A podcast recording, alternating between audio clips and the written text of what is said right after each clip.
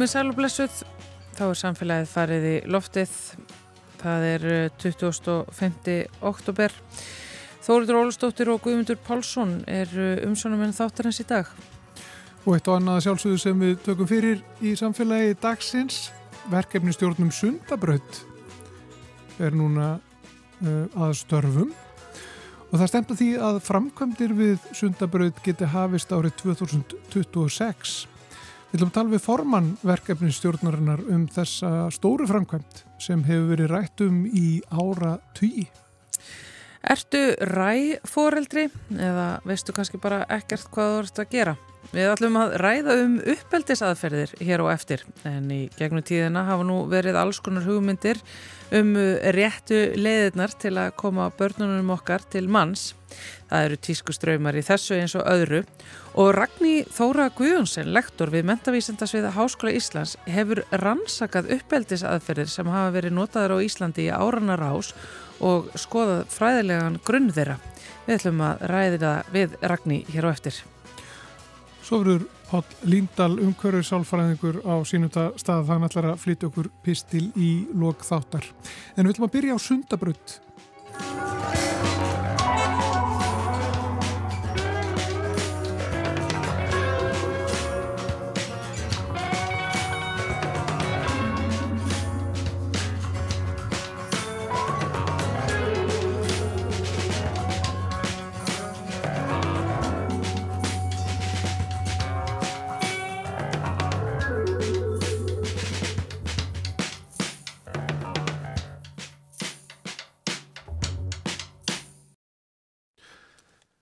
Að tala um sundabraut.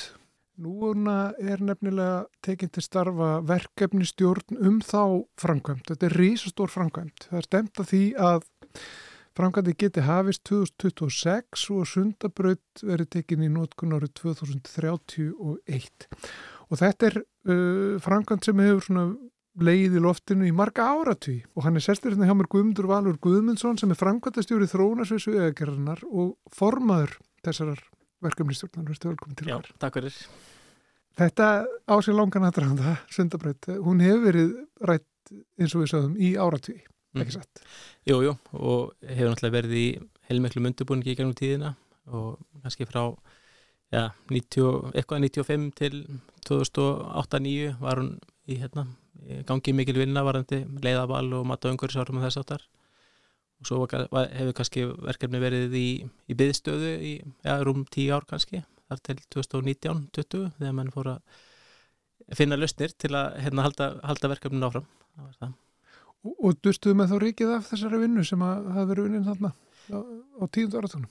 Já, já, al algjörlega og eins og alltaf margar eh, leiðir verið skoðar í tengslu sundabraut og sérstaklega kannski við, við Kleppsvíkina og Sundahöfn og þar, það sem voru 4, 5, 6, 7, 8 valkostir lengi til skoðunar og einhverjir kom ekki til greina og aðrir voru hérna, líklegir en aðrir. Þannig að, hérna, þannig að það sem var að vera að gera já, fyrir kannski tveimur ára síðan þá voru mann kannski að krossa yfir þá möguleika sem voru ekki lengur mögulegir og það sem var búið að breyta skipulagi eða öðrum aðri þættir öllu því að já, já er leiði voru ekki færar og, hérna, og en jáfnframt að uppfara þá þá valkosti sem voru helst upp á borðinu. Já. Og, og þetta hefur verið umræðinu lengi og um, af hverju er þessi leið mikilvæg? Og af hverju eru komin að þann punkt núna einhvern veginn að þetta verður eiginlega bara að fara að gerast? Og, og, og af hverju eru að fara að gera þetta núna? Þegar þetta hefur leiði fyrir svona lengi og einhvern veginn já, maður, maður svona ímynda sér að, að margir hafi hugsað sem svo að það væri tímabært að ráðast í sundabrett þó að það hafi verið sko fyrir 30 ára síðan Já, ég ætla bara eftir því sem okkur fjölgar eh, sérst, íbúum hörbrukarsæðis, ég veit ekki hvað ef við hörum aftur til 2000 eða 1990 hvað voru mörg þá en núna eru komin 240-50 manns á hörbrukarsæði og mann alltaf eru í heilmiklum aðgerðum eins og tekir kringum samgöngusáttmáli hörbrukarsæði sem það verður að byggja upp stoppvegi og, og byggja upp almenni samgöngur einnig en sundabröð er alltaf hluti af þessu líka og hefur alltaf verið hluti af skipulagsáfrum í Reykjavíkuborg og hérna, svæðinu, svæðskipulagi um þessi ára tugi og auðvitað hafa menn verið að byggja eftir þeim skipulagum þannig að það er búið að færa innastarfsemi upp á Álsnes og Esjumela og allt og svo framvegis. Þannig að hérna, og menn hafa haldið aftur af sér með uppbyggingu vega í gegnum Mósurbæð til dæmis, ringtorkin þar og þess að það sem hann hafi ekki farið í starra aðgerðir þannig að bara eftir sem að, já, umferðin ekst og fólksfjöldinum ekstirna þá er náttúrulega bara breytin þörf á þessari frangand sem hefur bara sínt sig hafa, hafa mikið ávinning raun og veru, fyrir samfélagslega ávinning. Nú getum við ekki sínt hlustandum kort en, en, en getur við farið yfir þetta með okkur? Hvernig lega sundabröndar verður? Hvar, hvar hefst vegurinn sem við kvöllum sundabrönd og, og hvar endar hann Já, náttúrulega hugmyndin er svo náttúrulega kemur fram í, já, bæði svæðiskipulega höfbrukarsvæðisins og í þessum áallunum er að sundabröndin tengist til þessu Reykjanesböndin hlikkast ykkur um Hafnarfjörð og, og Kópavóg og Reykjavík og alveg inn að sæbröndinni og hugmyndin er þá að sundabröndin sé framald af, af Reykjanesböndinni og sem náðu þá alveg upp á Kjalanes þannig að sundabröndin slík sem við tölum um í dag, hún er þá frá sæbrönd á einhverjum, tíma, á einhverjum punkti um, og yfir í Guðunessið og þaðan áfram yfir í yfir Leirubóg og Álsnes og yfir Álsnesið og, og þaðan yfir á Kjálnes þannig að þannig í grunninn er þetta já, 10-11 km leið frá Sæbrödd upp á Guðuness, upp á Álsnes upp á Kjálnes Já, og er það farið um uh, Geldinganis? Já, farið, já. já, farið um Geldinganesi og, og þetta eru brúarmannvirkið eða hvað? Já, já, eða, það, já, það eru brúamannverki í Kollaferði og Leirubóinum og, og vantarleik eldingarnir sem líka, eh, allan að lítil. Og svo er þá leiðavalið kannski eftir í, hérna, í Klepsvíkinni yfir á Sæbjörnuna, það er náttúrulega hafmennir að tala um sundagöng eða, eða brú, raun og veru. Og hérna brúin hefur verið svona hakamestu kosturinn með þinn, en, en, en núna er, er þá vinna sem er framönda núna, er, er náttúrulega að taka ákveðnum leiðavalið endarlega og hvort það verið göngaða brú og allt það þannig að það var eins og í þeim, já, yfirlýsingum eða vilja yfirlýsingum og sáttmóla í ríkistjórn og borgarstjórn og það er alltaf menn að taka tvo kostið til skoðunar í mat og umhverfisáhrifum Og hvað þarf sundabröðun að rúma? Hvað þarf að komast fyrir á sundabröð?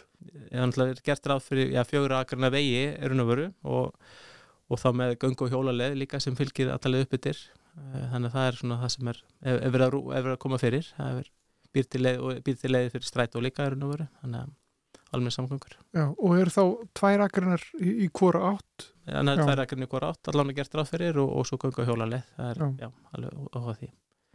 Umferðarspátnar eru, sem sagt, eins og menn hafa verið með, í dag eru rúmið tíðust bílar á dag að meðal til á kjallesinu, eh, þannig uh, umferðarspáin til, við erum alltaf að horfa til lengri tíma þegar við erum að spá fyrir um þetta að það er kannski ja, 10-15 aukotæki sem eru þá á legnum hérna frá sagt, frá Guðvinnesunu upp á Kjálnes en svo náttúrulega er, er sundarbröndin að tengja gráin við hérna við um, vesturleita borgarinnar þannig að, og letir þannig umferð af ártúrsbrekkunni og gullumbrunni þannig að þannig að það eru tengingar úr gráinum yfir á já. Þetta er ekki bara Nei. beinleið þarna yfir þannig, á Vestlandsvegin eh, á. Nei, akkurat. Þannig að ítrustu spár segja alltaf 40.000 aukotæki á solring getur valið sér að fara sundabreyt þar en við erum kannski meira að tala við á 30 til 40.000 getur verið til lengri tíma. Til, til samanbyrjar er ártúrsbekkunni þá er um, ég held að séum 100.000 eða rúm, rúm 100.000 bílar sem keira ártúrsbekkunni hverju mennast degi er, já, þannig að þannig verður búið til annan valkostu það og, og til að geta dreift um fyrir betur og allt þetta. Já, þannig að þetta myndi taka svona kúfin af því sem kemur úr, úr, úr gráhóinum líka. Já, allan, menn hafa þá færum það líka að, að fara þá leið. Er Hvað er þetta stór framkvæmt? Er þetta einhvern veginn setja ykkur einhvern mæli hverða á það, hversu stór þessi framkvæmt er? Það er, náttúrulega, það er búið áallega hvað hún kostar mm -hmm. þessi framkvæmt. Er það raunhafarspár eða getur maður, getur maður eitthvað sagt til um það? Og, og, og líka bara umfangið sko, er þetta að leggja mat á bara hversu mikið rask er þetta, hversu mikið umfang er þetta, hvað tekur þetta langan tíma og svo framvegis? Já, já, menn það er alltaf bara hluta því sem við erum að, erum að vinna að og menn er, við munum vinna að næstu árunum er að, er að meta þetta allt saman og, og já, kostnarinn eitt, eitt mælikar og umfangurinu voru og stærri verkefna og hérna eru e, fyrir 2021 eru var þá uppfærar eldri áallanir bæði fyrir brú og göng og þá var heldaverkefnið eh, rúmur 70 miljardar fyrir brúna en gangi voru hvað, 15 miljardum dýrari þannig að starra gráði eins og það 70 miljardar hérna á verðlagi 2021 og ef, ef við setjum það í samengi við almenna framkvæmdur og veðkerfinu þá jafngildi það kannski eh, ég ætla að segja síðustu fjögur ár af eh, öllu framkvæmda fyrir að við hefum verið að framkvæmda fyrir já, á- 20 miljardar ári sem síðustu tvö ár og stefnunni að vera minna á næstu árum en, en, hérna, en þannig að stærðagráðin er töluverð. Þetta er rísastórt. Já, rauninni. þetta er, er, er þetta stærsta veðafrangand, einstaka veðafrangand sem hefur ráðast í, veistu það? Eh, ég veit, við erum svo sem ekki, ég hef nú ekki reiknað hérna þegar ringveginum var lokað og skeiðar og sandi og öllum stórbrunum þar, hvernig nú, hlut allar landsframlegslu eða öðru slíku en, en, en auðvitað, þetta er svona setjum tíma þá er þetta stærsta já, stærsta einstaka verður að vera. Já. Verður, um, verður gjaldtaka á sundabrödd? Er búið ákveða það? Já, sjálfur sér, það, það er hérna, hérna 2020 voru samþitt lögum samvinnuverkefni í veðgerð um, það sem að tilgrind voru sex verkefni sem að átt að fjármagna með gjaldtöku og sundabrödd var eitt af þeim. Og með þessa umferðarþunga þá á, á hún að geta staðið undir þessum stoppkostnaði fyrir verkið. Og eins og við nefndi áðan þá að þetta er það stór partur af eh, hérna og það hefur svona lengi verið í umræðunni sérst, og alltaf talað um að, að þyrti sérstaklega fjármagna sundabrödd af því að bara starðagráða með aðra framkvæmdir að þá það myndi engar aðra framkvæmdir verið í gangi yfir árið, ef, að, já, í kannski þrjú, fjör ár ef að hérna, hefðbundin fjármögnum væri fyrir hendi fyrir, í þessu verkefni. Getur þú sagt okkur af hverju þetta hefur tekið svona langa tíma? Það er náttúrulega bara verið ágreiningur um eh, leiðir sem á að fara, ég held að sé, það sé fyrst og fremst það sem hefur verið eh, hérna á, á sínum tíma þá, þá stoppaði verkefni af og hérna þannig að það er, fóru aðra leiðir í því og hérna þannig að núna standa eftir tveir kosti sem við erum að meta, ætlum að halda áfram með. Já, það liggur fyrir sko, það eru, það er áætlað að, að framkvæmdur hefist um, já, það er sagt þér geti hafist 2026 um, er það, það raunæft í, í þínum huga? Eftir fjögur ár þá verður hefist framkvæmdur með sundabrönd Já, ég held að sé alveg raunhæft ef að, að því að við erum alltaf að vinna já, það eru alls konar tekna á lofti þannig að það er hérna, er Ríki og Borg hafa lístið vilja að fara í þessar framkvæmdur á þessum nótum. Uh, þetta er inn í meira hluta samstæður ríkistjórnarinnar frá síðast ári og er í, í hérna, sáttmálum meira hluta borgarstjórnar frá þessu ári. Uh, þannig að það er alls konar já, ég held að sé, það vilji fyrir hendi til að fara í verkefnið, en það er bara heilmikið eftir og það snýst, ekki síst að hérna, e, bara samræðum við næru umhverfið íbúana á svæðinu, hvort sem er í lögadalum eða í grávæðinum að, að, að, að verkefni leiði ekki til þess að sé aukin umferð inn í hverfin og þess áttar heldur, menn þetta verður bara já, framkvæmt sem að nýtist fólki en, en sé ekki að valda því aukinni já, ánöðu eða, eða óþægindum inn í, inn í sínum næru umhverfi Já. og bara stór partir af því í mat og umhverfisáhrifum og skipula er að er að leiða það í ljós og það er það sem er framöndunum næsta ári. Já, það er það og eftir náttúrulega að fara þarna í, í viða mikið umhverfismat. Já, já, það er alveg rétt og umhverfismat var mjög langt komið árið 2009 um, og þannig að það var heilmikið samráð á þeim tímabúndi og núna eru við bara undirbú okkur í næsta fasa í því og núna eru það búið að breyta hans lausnunum og það búið að breyta breyta fórsendur og sem eru Já, bara, það eru 15 ár síðan eða hvað það er, þannig að ímislitt breytist og þannig að ég held að það sé bara það er verkefnið framöndan. Og þá er miða líka við það, við nefnum þannig að 2026 að, að þá verður þetta hefja framkvæmdir og þeim ljúki 2031. Já. Þannig að þetta tekur þarna um fimm ár að, að, að klára dæmið. Já, þannig að það hefur verið áallega sem bara raunhæfur framkvæmdaltími að, að geta framkvæmd á fimm árum og hérna, þetta skiptist í megin aðröfum í tvo hluta sem er náttúrulega þverjunum á Klepsvíkin og yfir í Sundahöfn millir Sæbrutar og, og, hérna, og upp í Guðunes og svo þá leiðin uh, upp á Kjálnes sem er líka. Þannig að, þetta er, já, menn hafa metið þessu að fimm ára frangatíma við sé alveg raunhafur Nær þetta hafa áhrif á einhvern veginn á aðra samgöngur og til dæmis bara siglingar inn í Sundahöfn eða eitthvað slíkt, hefur þetta áhrif á það? Já, já, þetta hefur verið að þverja sunda höflina og sá valgástir sem hefur verið efst uppi er, brú, það sem kemur þverar aðtarnarsvæði í sundahöfnar og, og samskipa og það sem hann tengist til og holdaveg þannig að þetta hefur það áhrif á, á, á þá starfsemi og hérna sem enn e, hann er hæð brúarinnar eins og lagt upp fyrir tveimur ári síðan að þá erum við að miða við að flest stærri skip geti farið inn fyrir, brún er 30 metra há eða 35 metra há en ekki stóru flutningaskipin. Þau, þau séu staðsett utan brúar en svo er alls konar þróunar hugmyndir í sundahöfni í gangi sem að byrtu nú í skýslu í síðustu viku. Ef mann er áheld að bara voru ofnbæri síðustu viku um svona þeirra framtíða sín og þróun. Þannig að það er allt upp á borðunum þar held ég. En Já. þetta hefur áhrif á, á, á höfnuna vissulega.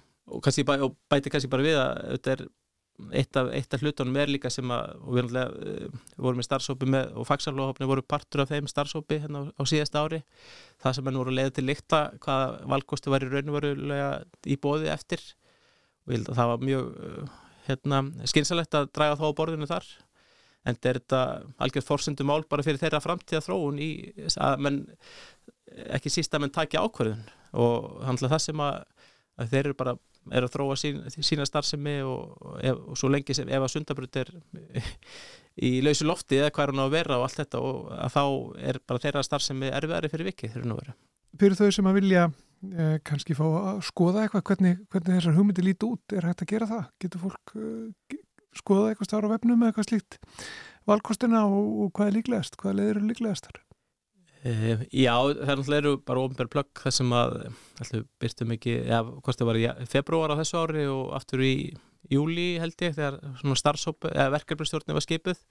Þannig að það er búið að skipa verkefnistjórnum sundabröð sem í þáttakandur eru þá einverð á þeirra sem skipar þessa stjórn og það er þáttakandur frá samvættu sveitafélagi og Reykjavík og veðgerinn í þeirri verkefnistjórn sem hefur það hlutverk að koma að halda utanum undirbúningin uh, þannig að það er ekki búið að, núna eru við eru við að þróa áfram þessar lausnir til að leysa, leysa þá e, já, lausu enda sem eftir eru? Og svo náttúrulega hefst þetta samráðsferðli í kringum umhverfismat og, og skeipilags, breytingar og skeipilagi þannig að það er kannski ekki ekkert verulega nýgögn í akkurat e, til staða núna en munur kannski verða fljótlega á næsta ári Já, er ekki rífist um sundabrönd, er, er, er sáttum um þetta, er það þín tilfinninga að það sé svona almennt þá sé fólk á því að það sé komið tími á, á sundabröndina og, og það, það, það eru ekki að mæta mikill í andstöðu eða hvað með þessar fyrirallarins? Nei, ekki, ekki, ég líti ekki þannig á, nei. Það er bara að skipta skoðanir hvort að menna að sumur segja að það er ekki það fjárfyrsta fyrir eh, hérna bíla sjálfur sér en ég held að þetta, þetta stiður allt hvort annað að byggja upp um, samgöngu fyrir, fyrir bíla og svo þar þurfum við vissulega byggja upp samgöngu fyrir almenni samgöngur einnig sem er bara ótrúlega mikilvægt. Og tökum aftur, nefndum ártónsbekku náðan að eh, umferðarspátnar fyrir ártónsbekku ef ekkert er gert eftir 20 ár, þú veist, í dag eru 100 áspílar, það eru 170 áspílar með þeirri þróun og höfbrukarsvönum með spáð framöndan og við vitum náttúrulega að þeir sem keira þar á hverjum degi að það er ekkert eh, rýmið fyrir slíka viðbótur umferð þannig að það þarf aðrar leiðir í stoppum og það þarf líka að byggja upp hérna, góðar almenningssamgangur til þess að mann geti tekið við allir þessari viðbótur umferð sem er bara eh, hvernig þróunun er að, hérna, eftir auknum mannfjölda.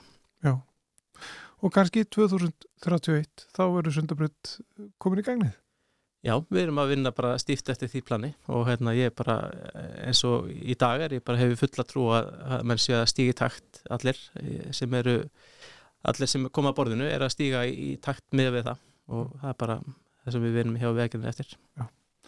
Skulum segja þetta gott Guðmundur Valur Guðmundsson, Frankværtastjóri Þróunasvís vegagerðarnar og, og formaður eh, verkefnistjórnar um Sundabraut. Takk fyrir komuna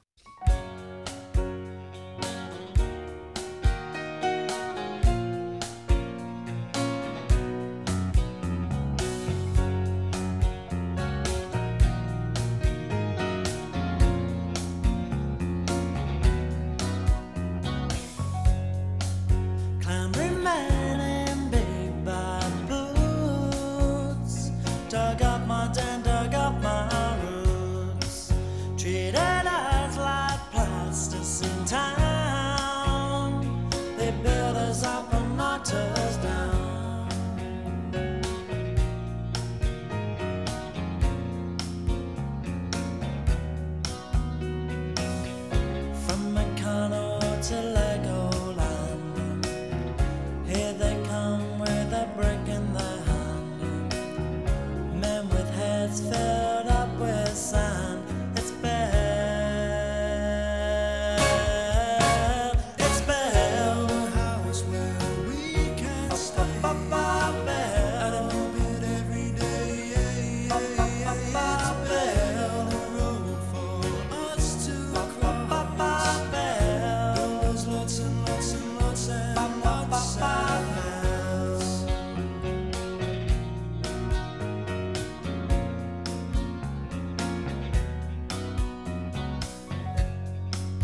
Whistling man in yellow vans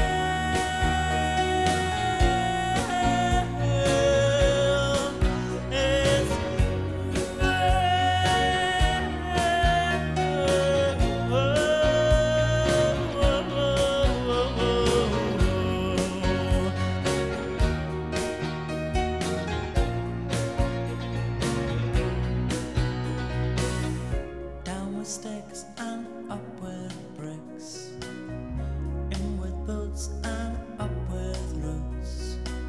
It's in with suits and new recruits. It's bad.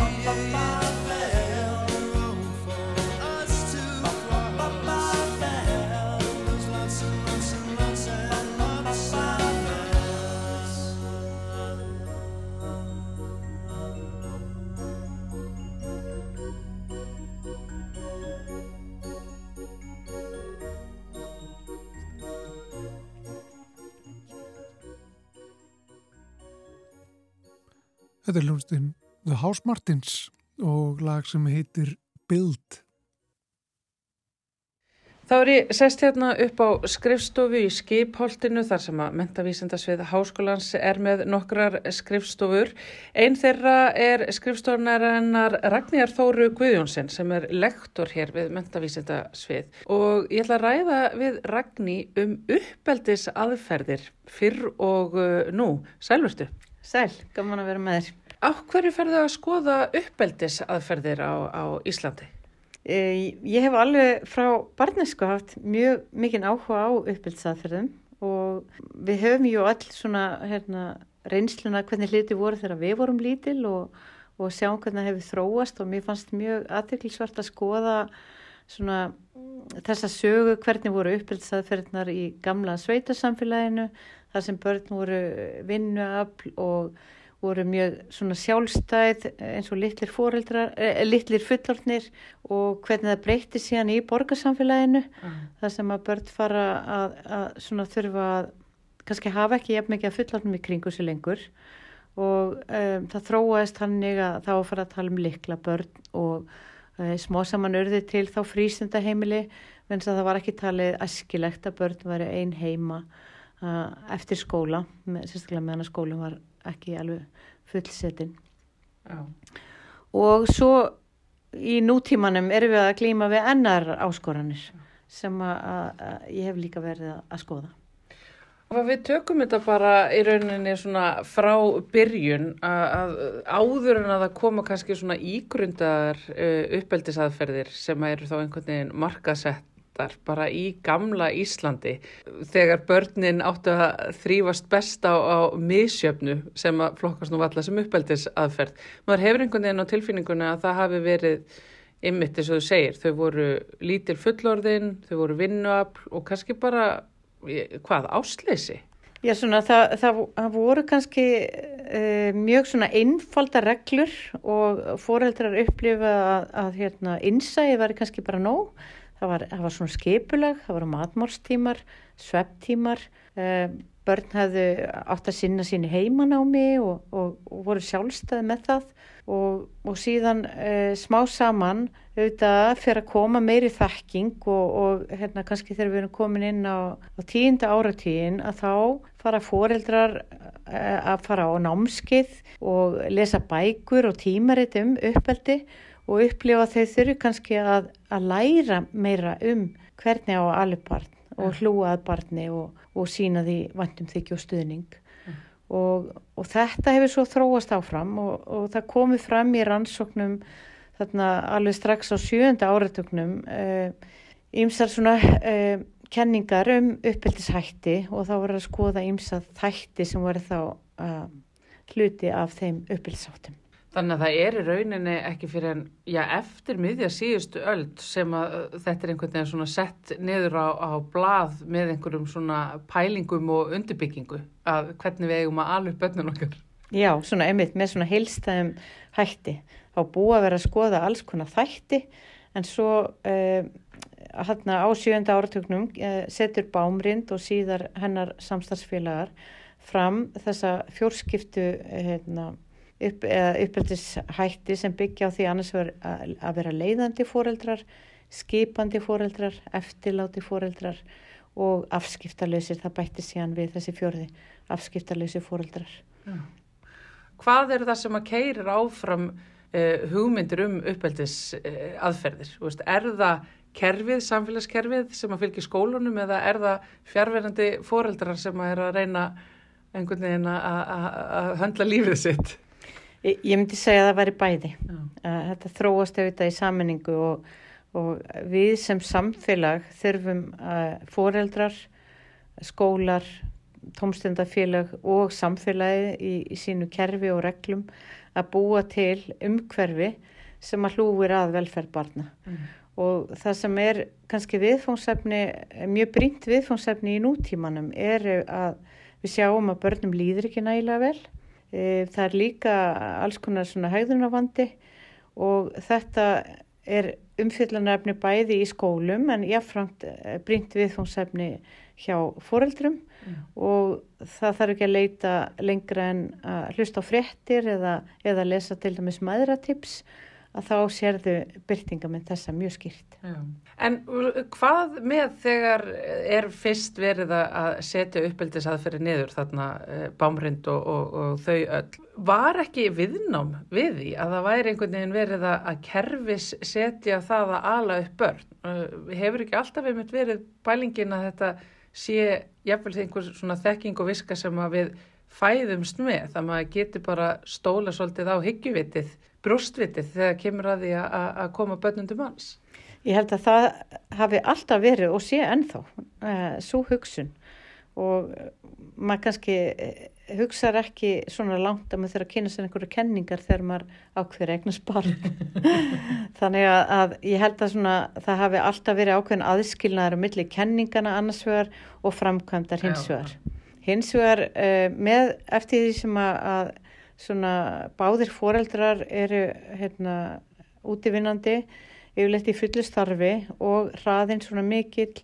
Um, ömur og afar eru yfirleitt líka útivinnandi að þá höfum við kannski verið neitt til að horfast í augu við það að, að okkur vantar stuðning og aðstóð og það hafa verið skoðar í rannsóknum Eh, hvort, að, hvort að það sé einhverju nýjir uppeldisættir sem hafa bæst við eh, til dæmis hefur verið talað um þyrlu uppeldi en á endan er alltaf niðurst að þessara rannsókna að eh, það sem við erum að glýma við fellur algjörlega innan þessara fjóra flokka til dæmis þyrlu uppeldi þar er bara ekki verið að styðja nægilega við sjálfstæði barnana Já. það er verið að veita um hlýju og stuðning og, og hérna, mikla ást og umhyggju en það er ekki stutt við sjálfstæði nægilega vel þannig að þau smá saman verði sjálfstæði í sínum hérna, verkum og, og sínu lífi og, og þannig sjáum við á endanum gilda þessir uppeldisættir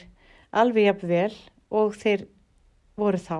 Við þurfum bara að setja það í samengi við samfélagi okkar eins og það er núna.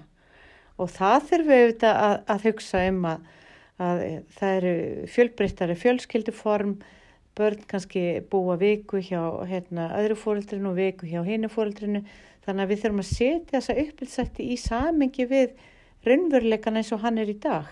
Og þá getum við auðvitað þurft að, að hérna, hugað einhverjum, einhverjum hlutum í tengslum við það. Já. Þú sagðir einmitt á þann að maður þarf svo sem ekkert að, að vera full lærður í uppeldisáttum áður en að maður heggur á, á barnignir en samt eiginlega er það pínulítið krafan Ragný í svona nútíma samfélaginu að þú veist ekki eigna spönnum að þú vitir hvað þú ætlar að gera við þau.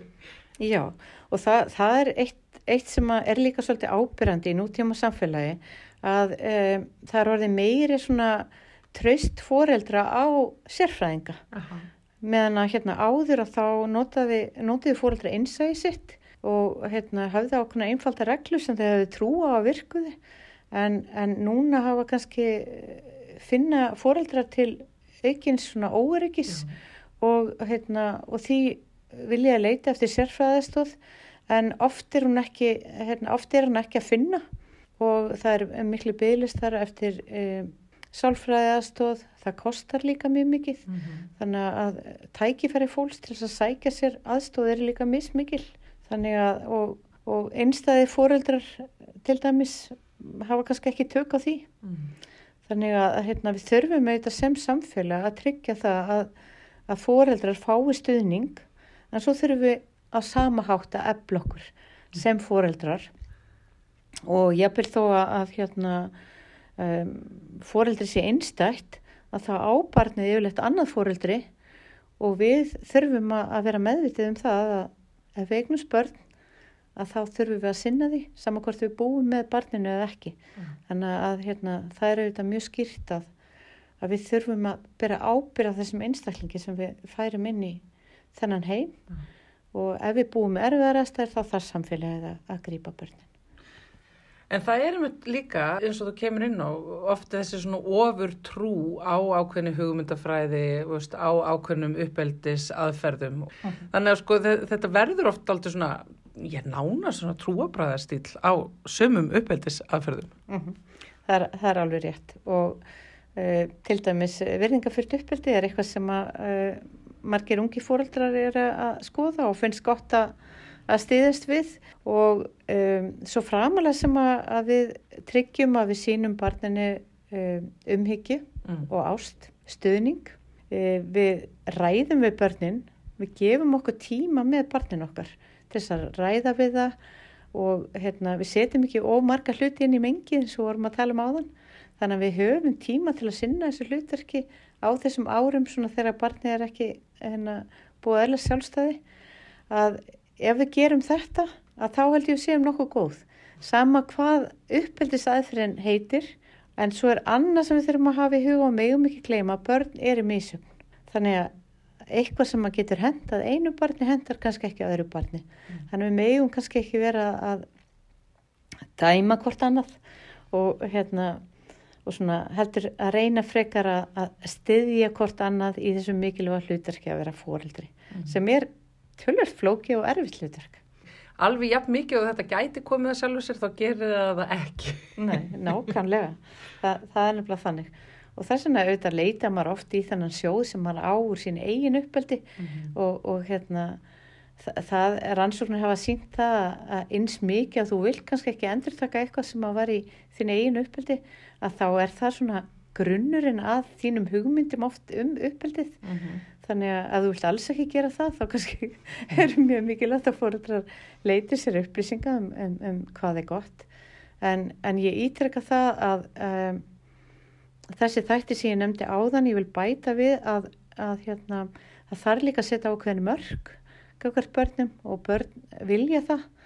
Og maður sér það kannski í íslensku samfélagi að ef ég ætti að, að nefna svona eitt þátt kannski sem var í akkilisarhellin er að, að hérna, við kannski vinnum ekki nægilega vel í því að að setja börnunum okkar mörg og hérna útskýra fyrir þeim af hverju það er mikilvægt þannig að smá saman þau fara að skilja hvað er mikilvægt að fara eftir ákveðnum reglum og gera hluti á ákveðin hátt. Og ég held að það sé einhvern veginn þessi svona já ég veit ekki hvort það er vikingurinn í okkar Ísl Íslendingum eða frelsistráin okkar að, við svona forðumst það að setja mörg og það er svona hérna þegar ég var í Danmörku í sumar að halda erindi fyrir íslenska foreldra að þá hérna sagðu þau að það væri ábyrrandi að íslensku foreldrarnir um, sett ekki næla mikil mörg eins og dansku foreldrarnir gerðu. Þannig að ég myndi halda það, það væri eitthvað sem við þyrstum að styrkja okkur í en gera samt á þann hátt að, að, að, að það sé fallega gert og, og við útskýrum fyrir börnunum okkar af hverju það er mikilvægt. Ragnar, sko, af því að þú hefur verið að að skoða þetta, skoða uppeldisaðferðir, haft áhuga á þau mjög lengi, lungaður og þú fer kannski og tekur þetta saman í, í, í þessari rannsók sem þú veist að fara yfir hér. Um, hvernig, hvernig hefur reynst þér að- að að ala upp börn? Sko, hlutverki að vera, vera mamma, að það er náttúrulega bara skemmtilegasta hlutverki í heimi, finnst mér. En okkur, ég held að það sé bara mjög eðlilegt og fólki finnst það mjög skemmtilegt. Og hérna, mér fannst það skemmtilegt. Þannig að ég hérna, var svo lánsum að, að þegar við byggum Erlendis í nokkur ára þá, þá fekk ég bara nokkur ár þar sem að, að ég var heimavinnandi og hafði mikinn tíma með böndunum mínum. Og hérna, ég vil þó að ég hafi mentað mig og síðan uh, verið útivinnandi að þá uh, finnst mér þau búa að þeim árum sem að þar sem ég hafði mikinn tíma til að vera með þeim, tala við þau. Og um, það er kannski það sem að við þurfum að hugsa um að minnst okkur annað fóreldrið hafi ákveðin sveigjanleika svona til að grípa inn í þegar það er eitthvað og hérna af því að já, börnin þurfa á manni að halda svona á yngri árum og hérna og ég vissi það til dæmis að maðurinn minn út af, af hans störfum hafði það ekki og ég hafði gaman að því þannig að ég kaus að gera það og ég, mér fannst það frábært Og þetta er einmitt náttúrulega kannski það sem að er að slíta fóreldra sundur í dag, sko. Það, það er einhvern veginn verður ekki bæði sleft og haldið. Þú ert ekki ofur manneskja í ræktinni, æðislegri vinnu í námi með eh, veist, koma yfir þig húsi og, og alveg börn allt í einu. Nákvæmlega. Og e, það er annað sem að íslensku fóreldrarnir í Kaupmannahöfn nefndu að, að ungt fólki í Danmörku til dæmis væri ekki að reyna að gera þetta allt svona snemma. Við erum svo kapsum hérna á Íslandi.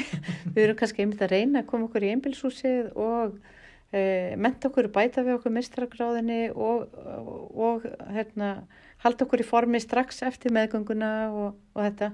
Og, og það kannski verður aðeins svo mikið. Ef við ætlum að hafa þennan tíma til að sinna þessum litlu einstaklingum sem þurfa svona að hjálpa okkur að halda þessu fyrstu árin. Bara lokum, uh, sko, þegar kemur að þessum uppeldisaðförum og að þú ferðans yfir það, eru svona tískubólur og, og nánast svona trúabræða fílingur í þessu öllu, en samt ertu líka að segja að þetta sé eitthvað sem að fóreldrar er eiga að, að, að skoða og fylgja eftir og, og aðtuga. Mm Hvað er maður að byrja? Sko ég held að, að eh, í maðra eftirlitinu færði eitthvað svona fyrstu ráðleggingar.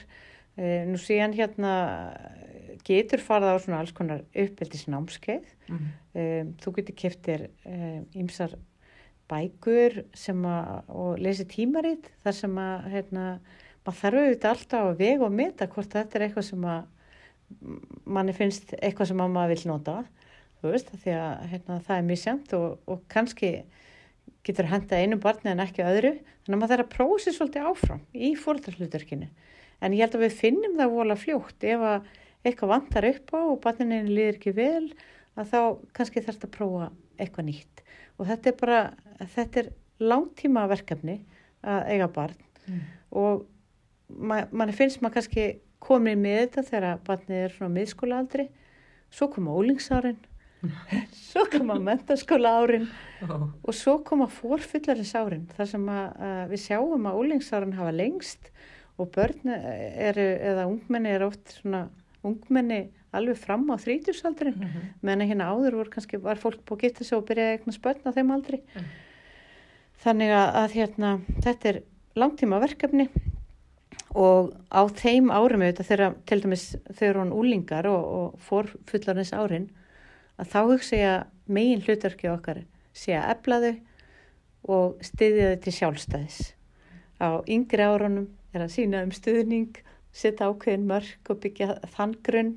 Þannig að við erum kannski að fást við mismundi áherslur á mismundi æfiskeiðum bassins og þa það er fullt af efni, góðu efni á netinu, e, í bókum, í fyrirlesturum.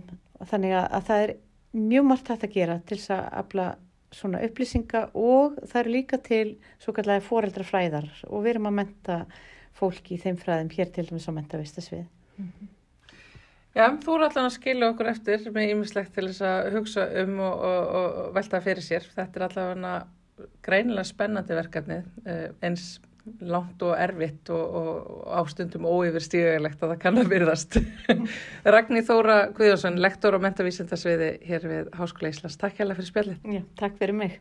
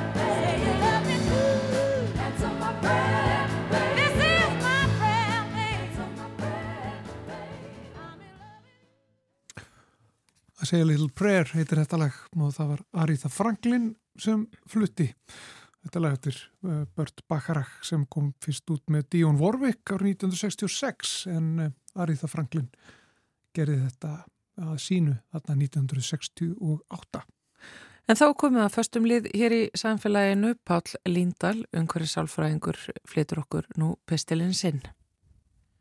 En sem komið er, þá erum við ekki á þeim stað að geta hugsað um gæði í umhverfinu.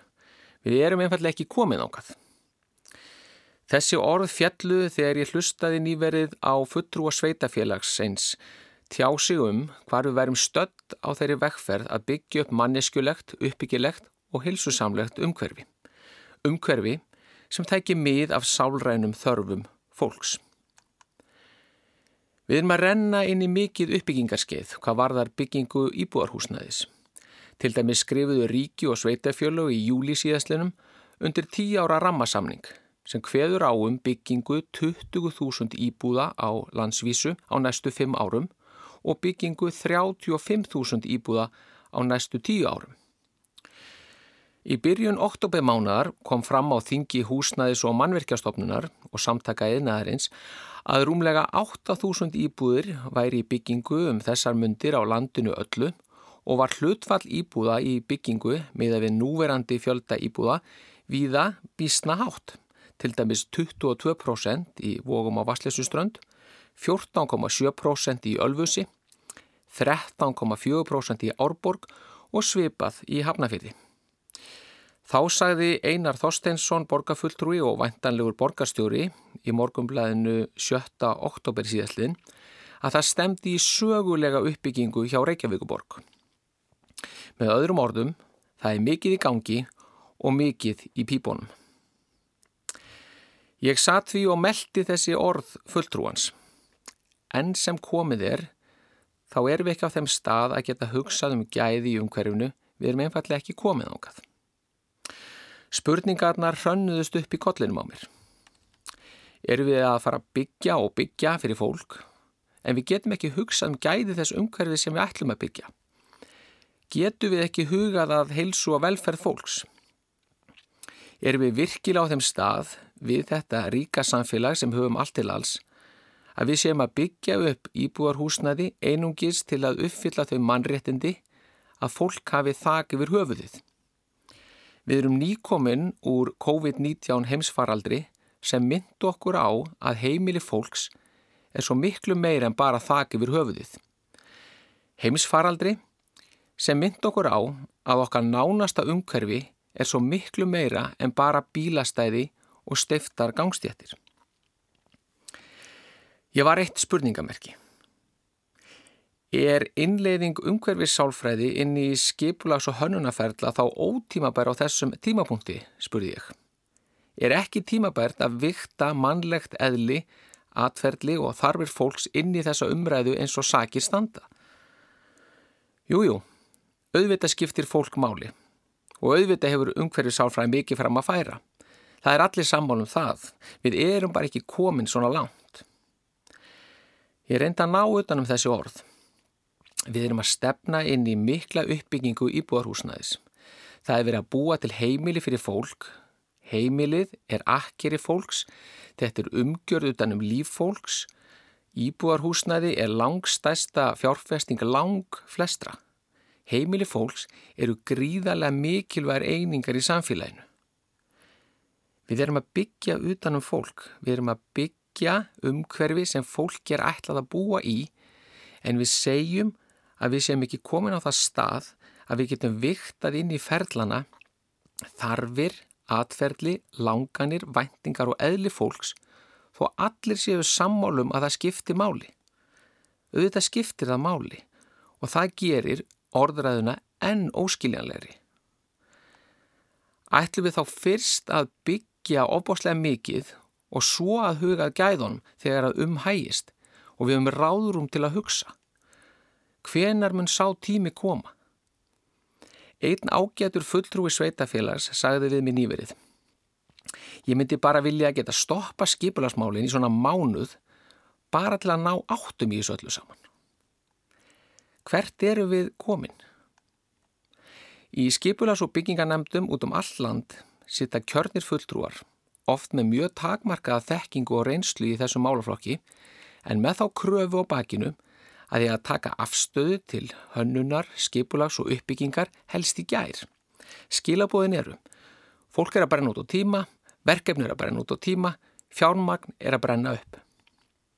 Afleðingin er svo að of oft eru teknar illa ígröndaðar og afdrifaríkar ákvarðanir um uppbyggingu, uppbyggingu sem standa um ókomna tíð.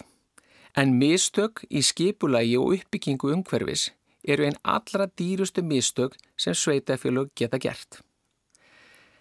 Er það að segja okkur að við séum ekki komin á þann stað að við getum lift okkur þann munað að hugað heils og velferð fólks þegar að verkefnið fjallar í grunninn um að skapa umgjörð utanum fólk? Höfum við ekki ráðrum til þess að huga að þeim einingum sem að verkefni snýst um? Ég var orðin alveg ringlaður. Sko, eins og er, þá erum við bara komið veg fyrir að öllu verði drekt í steipu. Það rofaði aðeins til í kollinum á mér. Já, ok, við erum sem sé að ræða frekakallin. Við erum að ræða frekakallin sem Jón Gnar talaði um í grein á vísi.is 27. september 2015. Þar skrifaði Jón meðal annars. Frekikallin kann að messa yfir öðrum. Ég hef séðan hella sér yfir fólk. Það gilda ein lög fyrir hann en önnur fyrir alla aðra. Hann er alltaf í fullum rétti. Hann veit allt betur en allir aðrir og hefur alltaf rétt fyrir sér. Hann vil bara fá sitt og fyrir sig. Hann trúir því að ef hann fái allt sem hann vill, þá muni aðrir sjálfkrafa njóta góðsaði. Það eru fáir sem þórað andmálónum eða standa í vegi fyrir honum. Hvað þá að standa upp í hárin á honum? Því hver vill lenda í honum? Hver vill sjá stingandi augnaráði beinast að sér, heyra háðsglósutnar og hótanirnar? Svo morg voru þau orð. En þá má aftur spyrja. Hvers virði eru völd sveitafélaga í skipulas og byggingamálum ef þau stilla sér upp í varnarstöðu gagvart frekakallinu? Þau segjast vita að gæðu umhverfis skipti máli en samt eru þau bara í því að forðast að vera ekki drekt í steipu. En samt hafa þau valdið. Ég átta ekki á þessari umræðu. Eru fulltrúar sveitafélagsins tilbúnir að láta trú og sannfæringu víkja fyrir gæðsræringu frekakalsins? Er sveitafélagið undanlátsamt? Er það hrætt við gæðsræringu frekakalsins? Er frekikallin svona ofsalega frekur að það haldunum engin bönd? Spyr sá sem ekki veit. Sveitarfélugum er ætlað að standa vörðum almanna hag og til þess eiga þau að leita allra leiða. Í þessu málaflokki hafa þau valdið og ábyrðina. Aukin þekking á samspili fólks og umhverfis ætti því að vera keppikefli þeirra til að auka líkur á manneskulegri og uppbyggilegri byggðaþróun. Þekkingin hjálpar til við að taka betri ákvarðanir. Þekkingin hjálpar til við að byggja undistöður betra samfélags. Hvar á umhverfið sálfarna kom inn í ferlana, spurði fulltrúi sveitafélagsins. Umhverfið sálfræði á að vera hluti af skipulags og hönnunarferlum frá upphafi til enda. Hún hendar líka við að búa til forsendur, hún hendar til ríni á öllum stigum, hún getur víða komið inn. Aðalmálið er bara að opna dittnar, hleypenni inn og veitinni rými. Hún mun finna sinn bás. Já, ég skil. Við skoðum þetta. En svo er náttúrulega eitt. Það er ekki til neitt peningu núna til að setja í svona vinnu. Þannig að þetta þarf eitthvað að býða. Ég gerði mér upp brós og stóð upp. Það er ljósta byltingar er þörf. Takk fyrir í dag. Takk sem leiðis, Páll eh, Líndal, umhverfis sálfræðingur fyrir þinn pistil með uh, þessum pistli Páls uh, líkur samfélagin í dag. Já, en uh, samfélagi verður á sínum stað á morgun milli klukkan 1 og 2 heyrust á. Verðið sæl.